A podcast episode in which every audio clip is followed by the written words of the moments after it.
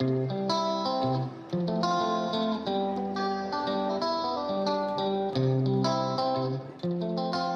jag köra? Jag börjar och presenterar mig och jag heter Berit Enqvist och jobbar på Norsjö bibliotek som biblioteks och kultursamordnare. Ja, fortsätta. Jag heter Cecilia Ström och jobbar som skolbibliotekarie. Och Maria Olsson jobbar som barnbibliotekarie. Och så Maria Gustafsson är projektledare. Och det var vi, det var gänget. Det är vi som ska dela med oss av våra boktips. Mm. Och till den här gången så har vi ju inte haft något speciellt tema utan nu har vi haft lite fritt valt. Eh, under jul och ledighet och sådär har vi fått välja själva vad vi ska läsa och tipsa om. Så att eh, jag vet inte om någon av er känner er manade att börja eller ska jag börja? Ja, spelar ingen roll för mig. Men då kan jag börja Ja, och berätta vad jag har läst som jag vill tipsa om. Det är en bok av Lasse Berg som heter Ändå inte försvunnen. Och det här är ju ingen roman så, utan det är ju en bok, ja, jag tror han är dubbelklassad både som en biografi och psykologi. Alltså det handlar om hans sorg efter hans dotter som gick bort. Eh, men det är som en, vad ska jag säga, en tröstebok lite grann. Eh, jag vet inte om alla känner till författaren Lasse Berg, det gör kanske inte alla. Och det är ju en, han är både författare och journalist och dokumentärfilmare. Och han har ju skrivit några kända böcker, bland annat den här Kalahari-serien. Eh, Gryning över Kalahari och Skymningssång över det Kalahari. känner jag. Ja, Alltså, just det. Han har ju levt mycket, bott i Afrika och Asien och sådär. Och böckerna handlar ju mycket om liksom människans ursprung och evolutionen och hur de här, en del folk fortfarande lever eh, ja, som, som vi gjorde förr, innan vi blev så att säga civiliserade. Så han har ju rest väldigt mycket och så. Och i den här boken berättar han ju om när hans dotter Linda, som var 34 år, gick bort. Och det var under en resa som han och hans fru gjorde i Afrika. Och han berättade att han precis hade sagt till sin fru, oj, oj vad vi är lyckliga nu. Nu är liksom livet perfekt. Och så ring telefon. Och då har deras dotter förblött i deras lägenhet. Nämen. Oj. Alltså de vänner har hittat henne där. Hon ligger i sitt eget blod. Fy tusan. Och, ja, alltså de börjar utredas som ett eh, mord. Eller alltså att hon har blivit utsatt för någonting. Men så det visar sig att hon har haft en maximal otur. Hon har varit där om hon har städat eller vad hon har gjort. Hon har fällt ner en kruka, fällt i kull en kruka som har landat på hennes ben. Alltså som på skärvor på båda sidor om ena benet. Så att eh, jag är ju puls, eller ådrorna har gått sönder helt enkelt. Nämen. De hittade det när de obducerade hon att hon hade som kvar skärva in i, in i knät. Ja, alltså maximal otur. Så att, eh, ja, helt osannolikt. Och Ja. eh, det här eh, Lasseberg, ja klart de blir ju helt förkrossade. Och han som har varit som en skrivande person hela tiden, han, han slutar ju kunna skriva. Alltså han känner ingen mening med någonting. Och, eller framförallt inte med skrivandet, han förstår inte varför han ska göra det. Men eh, i alla fall så småningom så börjar han ju kunna skriva och det är ju då den här boken kom till. Och han försöker som hitta sak, tröst och sådär. Och han söker sig ju då tillbaks till det han har skrivit om förut. Så att i den här boken är det ganska mycket om ja, människans ursprung och liksom varför vi reagerar som vi gör och ja, våra behov och vad som gör att vi typ överlever. Så att det är så mycket, ja, mycket intressant och sådana saker tycker jag är intressant. Hur människan har blivit som man har blivit och, och vad man liksom har kvar fortfarande eh, i sitt beteende som kanske kom från något ursprungligt. Det är jätteintressant. Jo. Man blir som tagen av din berättelse. Ja, Är det en ny bok? Han är ju från 2019. Och jag vet inte varför jag snavar som över den här boken bara, men jag, jag tyckte han var riktigt bra. Jag, alltså det är ju som en fin berättelse, det är ju som inte bara eländigt utan det är ju som sagt det där att han, han går tillbaka, men han berättar ju mycket om Linda och hennes, hur hon har varit och sådär. Men även rent allmänmänskligt sådär. Mm. Och det är ju som en tröstebok för en, alla som har mist någon, tycker jag. Mm. Så att, eh, ja, Hade hon familj, hans dotter? nej.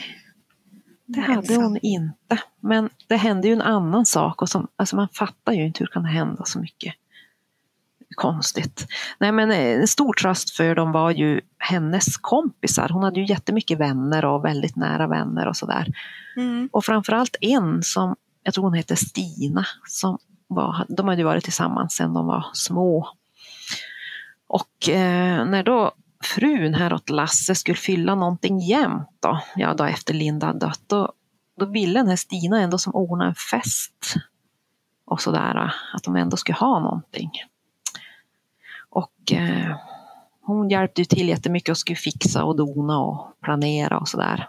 Men då, bara någon dag innan den där festen skulle äga rum, så då, då tystnade hon som. De fick inget, Lasse fick inte något svar när han skickade något meddelande till honom och sådär. Och till slut så fick han ju svar, då var det, eller han ringde och då var det hennes sambo som svarade. Och så säger han bara, han kunde nästan inte prata, han säger bara, nu har Stina hamnat på samma plats där Linda är. nej men, Nej men oj! Och alltså hon hade dött. Det är ju så tragiskt. Nej men alltså hon hade ju en, en influensa. Det var ju före covid. Men en influensa som hade tagit på, jag minns inte om hon fick blodförgiftning eller någonting. Alltså hon, ja, det gick bara på någon dag. Så var hon det är så tragiskt. Ja, Ja. Det Men låter jätte, som en jättetråkig bok men alltså det är ju som så gripande. Men konstigt också att det kan hända. Ja. två var trett- unga människor.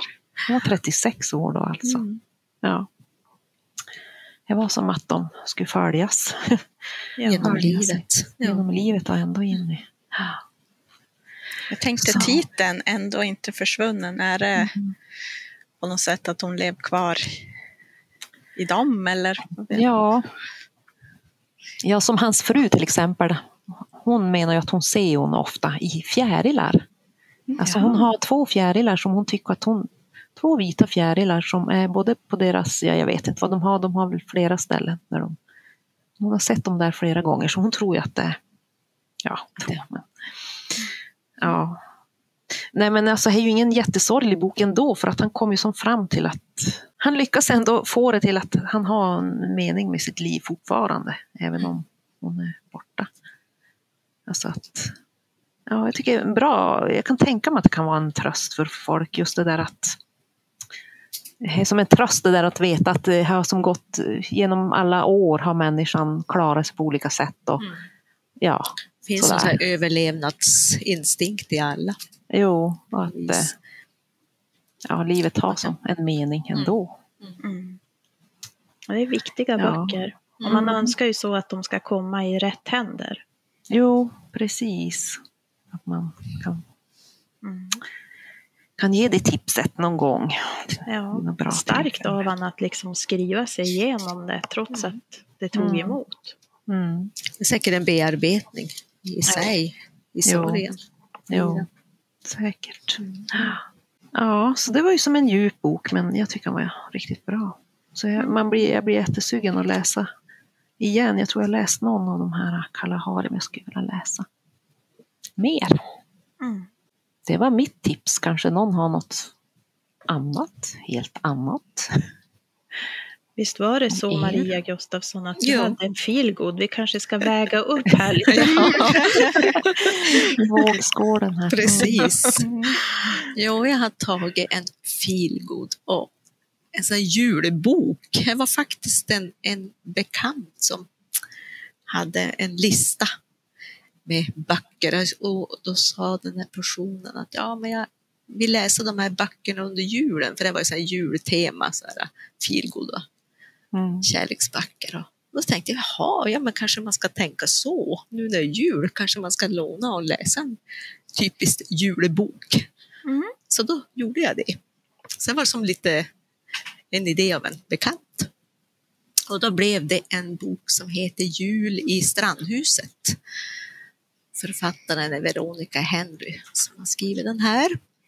Och det är ju som en, de är ju som lite lättsamma böcker. Och, eh, men den här boken handlar om en, en typisk familj med mamma och pappa och två ungdomsbarn i, i tonåren.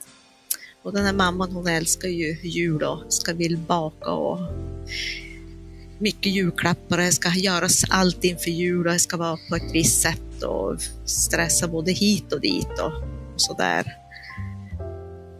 Och är väl den person som vill vara både före och efter, förstår man. Att det ska ju se ut på ett visst sätt och allt det där. Men så är det så att hon har förlorat jobbet i samma veva. Så hon känner sig väl lite deppad för det här också. Och att det är stressen för julen och hinna allt innan det blir jul och allt ska vara bra. Och så har hon kommit in i klimakteriet också. Så här är verkligen många saker samtidigt. Och då blir det då precis den här dagen då de ska bruka alltid träffas inför jul, klä julgranen och allting sånt. Som är som en viktig dag för hon och familjen upplever hon. Då är det ingen av dem som har tid att komma hem. Varken karln han ska, ska på något fest och unga, ungdomarna de hade annat som de tyckte var mycket roligare. Hade rent, de hade rent glömt av den här dagen som hon tyckte var så viktig. Så hon kände sig rent att hon blev övergiven. Så här blev som droppen för den här Lissy. Så hon packade en väska och så åkte hon iväg till en väns strandhus. Och skrev bara en lapp till dem att eh, hon ville åka bort och ha några egen tid, några dagar. Och mat finns i kylskåpet. Och så skrev hon ingenting mer. Hon berättade inte vart hon hade åkt iväg eller någonting. Så hon hamnade i det där huset, i strandhuset där och, som skönt. Men där träffade hon andra personer som också har haft lite problem också. Så att hon, eh, de, de träffas och har som, får som prata ut. En ung kille som har lite problem med sin styvpappa. Han hade också farit från dem och fått låna ett strandhus han också. Så var det en annan, en pappa med ett litet barn som där kvinnan hade nyss dött som också ville komma från julen. Så de gör och ordnar sin egen lilla jul där vid strandhusen. Får som bara vara för sig själv och prata igenom och så. Så det tyckte de var som skönt. Men de som är hemma har ju lite problem. Mannen och de här tonårsbarnen vars mamman i huset har tagit vägen. Men till slut så då tar hon ju och eh, ringer upp.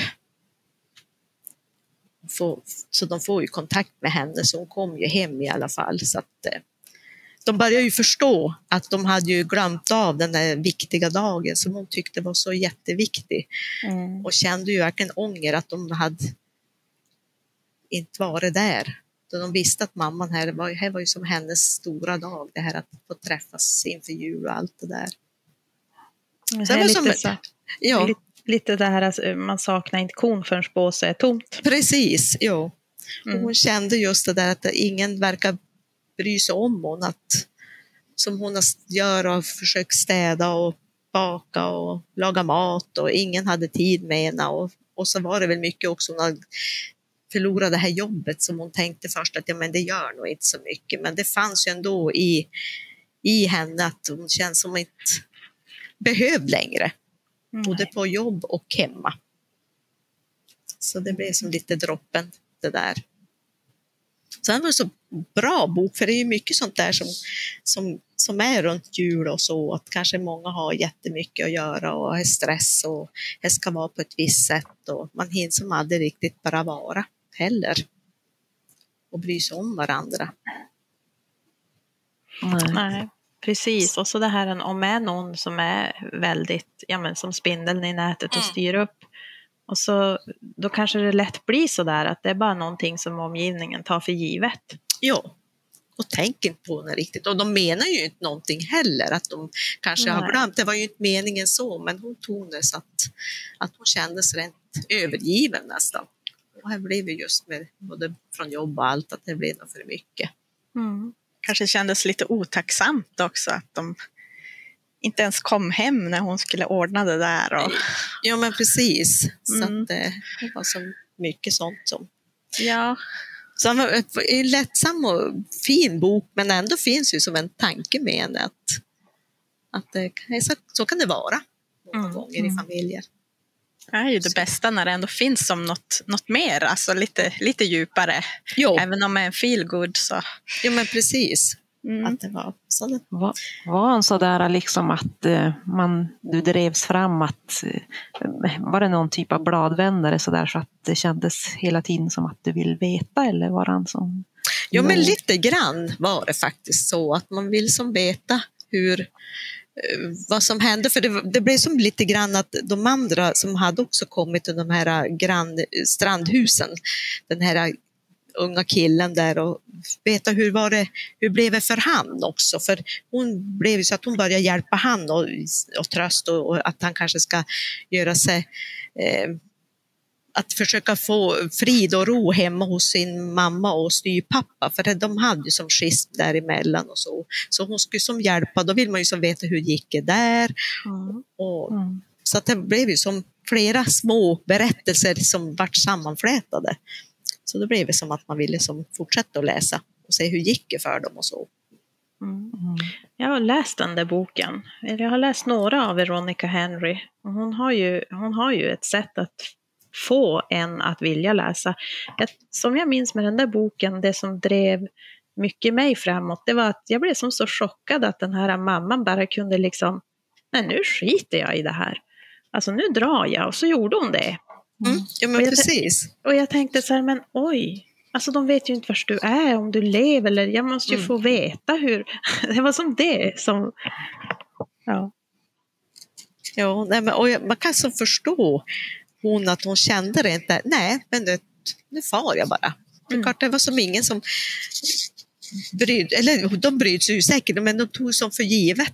Men hon upplevde att ingen brydde sig om att, att hon var där hemma och gjorde allt det där och kände väl inte riktigt uppskattning egentligen. Nej. Och då Mm. blev det väl som droppen för dem. Mm. Så Mm. att, eh, jo, nej men han var, han var bra, läsvärd. Mm. Var det julstämning? Alltså fick man som julkänsla av han? Ja, men lite grann det man känner igen ibland, det är stress. Jag ska vet, så packa julklapparna och var köttbullar och var kakor och allt sånt där. Så det var ju lite, lite sådär, hur man vet hur det brukar vara. Det här som stressigt, allt ska göras på sa- samma dag nästan. Mm. Mm. Så att, ja. Nej, men han är faktiskt läsvärd. Det var han. Mm. Visst är det hon som har sidenträdgården och familjereceptet också? Någon som känner igen det? Jag har ju tipsat om en bok av henne när vi hade feelgood-tema som hette Huset. Drömhuset. Drömhuset. Ja, precis. Mm. Jo, men jag tyckte den var bra. Ska jag ta mitt boktips? Gör det. Jag eh, har ju varit så inne i, i mitt tänk nu inför den här förintelsens minnesdag som kom nu den 27 januari. Då är det ju 77 år sedan som Auschwitz befriades. Och eh, jag har läst en bok som heter Den franska fotografen av Natasha Lester och det kan man säga är som ett historiskt, nästan eh, tidsdokument på ett sätt över andra världskriget. Fast det är ändå vävt in en, en, liksom en berättelse. Boken är en roman. Men det som är så spännande med den här romanen är det att den är inspirerad av en sann historia. Eh, som han, den här eh, huvudpersonen i boken heter Jessica May. Men personen i verkligheten heter Lee Miller. Jag vet inte om ni har hört talas om henne någon gång. Men hon var, hon var en fotomodell som eh, sen blev placerad eh, ute i kriget som den första kvinnliga krigskorrespondenten. Och den här Lee Miller, hon låg i skyttegravarna när kulorna ven runt hon och hon var i centrum när det var bombattacker. Eh, bland annat när de gjorde den här eh, London Blitz, när de anföll Storbritannien i början av andra världskriget. Och hon var med i befrielsen av Paris och hon var också med i olika koncentrationsläger som Dachau till exempel. Den här Lee Miller. Mm. Och på SVT Play kan man se en dokumentär, han är en timme lång, om Lee Miller. Så att den har inte jag sett, jag har bara sett lite grann ur den, men jag ska se mer för att boken fångar mig. Och den är uppbyggd så att den här Jessica May, då, som huvudpersonen heter, precis som Lee Miller så jobbar hon som fotomodell. Det här är på 20-talet. Och eh, utan hennes vetskap så, det, eh, så publicerar en tidning en bild av henne tillsammans med en annons för ett mensskydd. Och det här är ju supertabu på den här tiden. Så att hon, hon får aldrig mer något jobb. Hon blir bojkottad. Och eh, det var ju inte bra för att hon är en person som vill jobba. Så att hon lyckas övertala tidningen Vogue att hon ska bli skickad till Paris som krigskorrespondent. Och eh, efter många om och men så får hon fara. Men hon blir ju väldigt motarbetad både av soldater och även manliga kollegor, manliga fotografer som de redan har ute i kriget. Och eh, det blir ganska tydligt att kvinnorna har absolut inte samma förutsättningar. De får inte ens fara till alla zoner, krigszoner och de måste alltid vänta med att skicka in sina bilder och sin text tills männen redan har skickat in sina. De får bara skicka dem efter dem. Och eh, den här, hon var lite så här, vad heter hon var väldigt, hon var inte bråkstake men alltså hon utmanade hela tiden de normerna om det där. Så hon skrev om det hon såg. Och det kunde också vara saker som våldtäkter som blev utförda av den amerikanska armén. Och det var ju inte populärt. Absolut inte. Så får hon tre kompisar. Eh, en annan journalist, en kvinnlig journalist och så är det en fallskärmsjägare som heter Dan. Och så är det kanske framför allt en liten föräldralös flicka som kom in i berättelsen som heter Victorin. Och boken den är som uppbyggd egentligen genom två olika trådar. Det är en i nutid och en i dåtid, alltså andra världskriget. Och nutiden den beskrivs via en tjej som heter Darcy. Och hon eh, blir, få i uppdrag att åka till ett jättevackert slott på franska landsbygden och ska ta hand om en, gam, om en gammal dams samling av olika fotografier. Och det visar sig ju sen vara den här Jessica May, eh, hennes fotografier. Och Darcys egen berättelse, den är också intressant. Det här hur hon jobbar med fotografierna och det som händer när hon gör det. Också då blir det en twist så att det här arbetet med fotografierna vävs då samman med hela Jessica Mays liv egentligen. Som var faktiskt riktigt, riktigt bra tycker jag. Det lät väldigt spännande tycker jag. Och så blir det som en extra grej när man, ja, alltså när det har verklighetsbakgrund, eller man vet att ja. det har hänt, har hänt ungefär sådär. Och när jag har varit och läst, för jag kunde inte riktigt släppa den här ja, Lee Miller visade sig ju, men alltså Jessica May, jag kunde inte släppa hon ur huvudet. Jag var som att leta och ville kanske försöka hitta något fotografi och se som hon hade tagit och sådär. Och när man då börjar läsa om Lee Miller så ser man ju att oj, vad författaren har gjort mycket research. Alltså det måste vara ett enormt arbete för det är verkligen Lee Millers berättelse. Mm. Mhm. Och vad spännande, alltså jag hade då inte hört talas om Miller. Men att hon gjorde en sån, alltså gå från att vara modell och så blev hon helt plötsligt krigskorrespondent. Det var Ja, så oväntat. Ja. Ja. Det är så coolt och hon, Ja. var, hon var det. Hon var jättecool den här. Hon, kunde- men hon vart väldigt arg över det där med mensskyddet. Att liksom, först och främst att någon hade gjort det utan att fråga hon och sen att hon fick sparken. Och det var, jag tror det var det som var gnistan. Mm. Att eh, så här kan vi ju inte ha det, vi kvinnor. Men vad sa du, var det för Vogue hon var? Jo, Man tänker inte att de är ute i krig och rapporterar, men det gör de. Visst är det så här modemagasin? Ja, hon var ju, eh, jo, hon var ju modell också för Vogue, så att det var ett, ett modemagasin. Men jag vet inte, de måste ju ha haft någon sorts rapportering Mm. ändå. Ja. Precis. Man måste nog se den där dokumentären. Ja. Mm, ja, då vart man Ja, nyfiken. ja. Eh, vad det jag Så den- tänkte, var det här en, det en roman som Ja. står på roman? Den Ja. står på romaner. En, är den ny eller? Nej, men han är bara något år. Alltså, Ja. jag, jag, jag, han kom nog ut under 21, så att han är inte så gammal, det är han inte. Kan ju kanske ha släppts i slutet av 20, men, men jag, ja, jag tycker jag kommer mycket bra sådana här böcker. Alltså just med andra världskriget och kvinnor. Alltså jag, Mm. vet, jag har läst om fler också. Jag, de gör det så bra när de som väver in en fiktiv berättelse också. Det blir som lite, jag vet inte, det Mm. blir himla lätt att ta till sig. Mm. Det kan vara tyngre att bara läsa igenom en massa fakta. Ja. Sådär. Mm. Alltså man kan som känna in det på Mm. ett annat sätt när det är skönlitteratur. Men tänk så mycket starka kvinnor som har funnits genom historien. Jag tänkte just på det och så, hon skulle passa in i en sån här, de här fantastiska kvinnor, alltså förebild. Ja. Det finns ju mycket på barn och ungdomssidan kring Mm. det. Absolut. Ja, Vi måste bläddra och se så att hon... Vi kanske måste är bläddra, där. vi måste bläddra och se. Mm, precis. Mm. Roligt när man upptäcker nya kvinnor, Mm. kvinnliga förebilder. Vad sa du boken hette för någonting? Den franska fotografen Franska, ja. Mm. han. Ja, men då är det bara jag kvar då.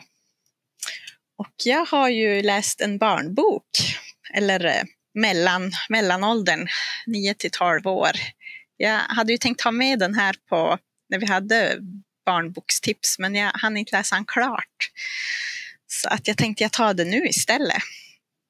Mm. Och det är Molly Moons fantastiska bok om hypnos av Georgia Bing. Och det är en bok, han har väl några, några år på nacken, han är inte jätteny men det finns många i den här serien om man, om man gillar den. Och den handlar om Molly Moon som växer upp på ett barnhem i England. Och hon har det ganska kämpigt där, de är inte så snälla med hon. Eh, men allt förändras då när hon en dag hittar en bok om hypnos på biblioteket. För då visar det sig att hon är ju en stjärna på att hypnotisera och hon börjar med att testa sin hypnotiska kraft på föreståndarinnans mops som heter Petula. Eller Petula. Och när det funkar bra då fortsätter hon ju att hypnotisera och så småningom så hypnotiserar hon en hel publik till att göra henne som vinnare i en talangtävling i staden där hon bor. Och med de här pengarna då, som hon vinner, det var en ganska stor summa, så reser hon till New York för att leta efter sin vän Rocky då, som hade blivit adopterad tidigare av en familj. Och hon hade som missat när han blev adopterad. De hann som aldrig säga adjö och de var lite ovänner just då. Och hon saknar ju honom väldigt mycket. Och jag tycker att det är som en väldigt så här, oväntat galen bok. Alltså man vet aldrig vad som ska hända härnäst. Mm. Och den är både spännande tycker jag och tänkvärd. Och, och vad skulle man göra om man hade makten att hypnotisera någon? Mm. Kan man ju fundera. Precis, och vad, vad blir det för konsekvenser? Mm. Dessutom. Eh, och det verkar som det finns ja, men, sex böcker till och fem är då översatta till svenska. För jag har även läst om Molly Moon stannar tiden och Molly Moons hypnotiska tidsresa. Och de var också bra tyckte jag. Man Mm. vill som fortsätta att läsa hur det går för Molly. Framtiden. Vad kul, jag tror Mm. faktiskt att jag läst den där för länge sedan. Eller alltså den är inte så ny va? Nej, den är ju inte... Men jättebra, så minns jag den. Ja, så kul, så rolig. ja, den är ju rolig. Han står ju på humor, men han är ju Mm. som även ganska spännande, lite läskig ibland. Och, Mm. och så. Så bra få fler tips Mm. att Lite föra vidare också. Ja, men precis. Ja, de är fantastiska barn, barnförfattare på att få in så mycket bra grejer i det de skriver. Jag Mm. beundrar dem. Ja, men verkligen. Ja, men få dem så tänkvärda och även liksom, de är ju ändå som inte alltför allvarliga ändå. Alltså just de här i alla fall. Alltså, ja. Jag tror många som skulle tycka om dem. Mm. Jag läste ut en bok igår för Molly. Mm. Eh, som den heter Kattspionerna. Rätt att klösa. eh, och det är Anja Gattu som har skrivit den. Och den står ju på husdjur. Och jag, då jag lånade den till honom så tänkte jag att det var för att det handlar om husdjur. Och jag blev så chockad när jag var mitt i boken eh, vad den handlar om egentligen. För den handlar ju om alltså, flykting, främ, främlingsfientlighet. För då är det nog katter som bor på Möllan och det är dåligt i Möllan och råttorna invaderar Möllan. Så de katterna vill ju fly och de vill ju hellre bo på Rosengård. Men i Mhm. Rosengård vill de ju inte att katterna från Möllan ska komma för de luktar dåligt och konstigt och ser konstiga ut. Och sådär. Mm. Så att de har ju verkligen fått in det här med att för då är det ju de kattspionerna, den gruppen, de vill ju typ, men vadå, det är väl klart att alla ryms i Rosengård. Mm. Just det. Och så får de flytta till ett stall istället och, och liksom bo där i väntan på att få veta hur det ska gå med Möllan. Och det är ju liksom lite så, Ja. Mm. ja, det är så, man blir så förvånad. Mm. Det var inte vad du trodde när du Nej. skulle börja Mm. läsa. Nej, men jag tycker här i Molly Moon är det också mycket det här att pengar är ju inte viktigaste. Alltså just med ja, men vänskapen och människorna är ju viktigt tycker jag som man får som är budskapet. Ändå. Mm. För det finns ju de som vill göra inte så bra saker som också kan hypnotisera, får man ju som se, veta sen. Så att man kan ju använda det till mycket ont Mm. också. Ja. Ja. Klart om man kan styra människor.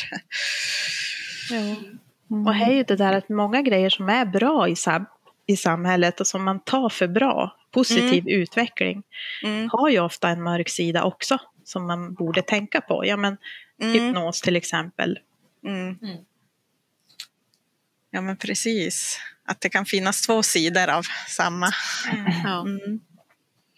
Så himla bra. Molly Moon, men hon är som en hjälte då eller? Alltså genom Jo, alla böcker? Hon, hon är ju som en hjälte, det är hon. Hon är ju som en oväntad hjälte, en 11-årig flicka från ett barnhem.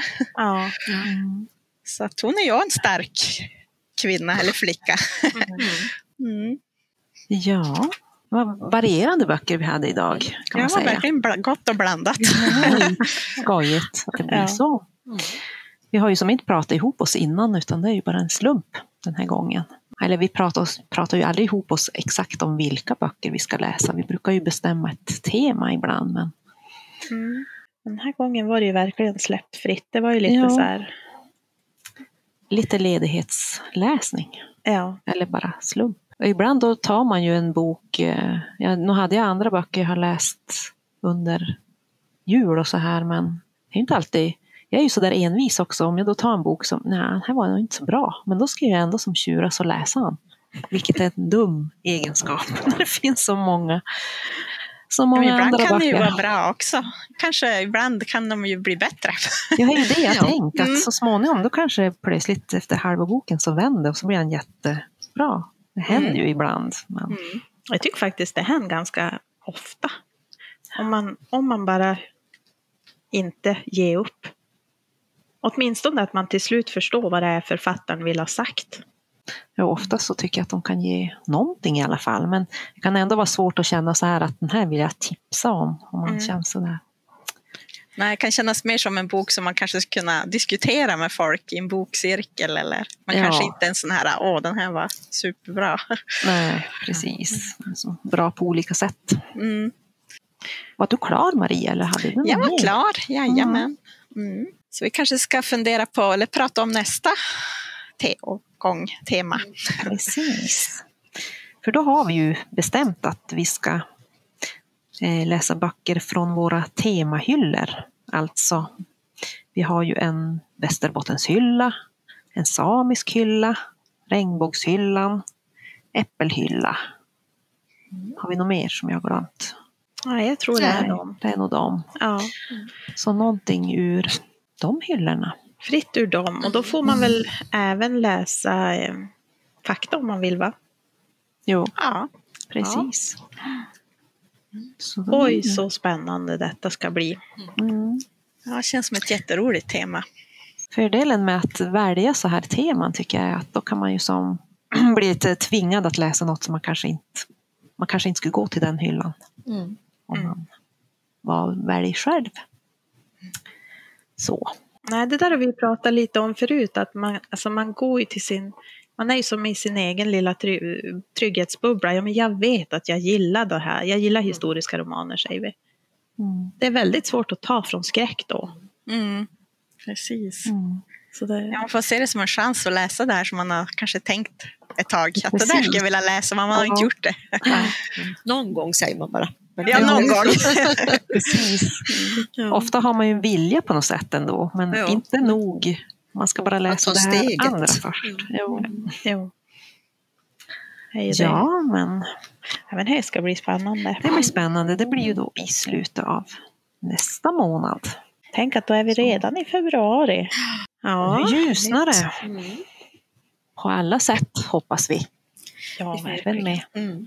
de här, vi har ju restriktioner fortfarande, men vi hoppas ju på att saker och ting ska lätta så småningom med den här smittan. Nu är det ju ganska hårda restriktioner igen. Mm.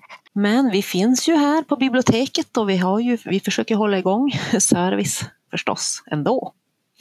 Även om inte vi kan släppa in så många människor på en gång. Men Man ska Ändå. aldrig vara rädd för att ringa eller mejla och, och fråga. Fråga. nej, vi, vi Vi finns kan här. alltid plocka ihop böcker och efter önskemål. Precis.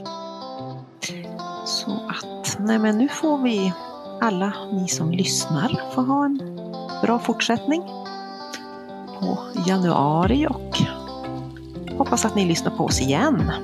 Ja. Absolut. Då får vi säga hej då för idag. Det är så bra. 起咗，起咗。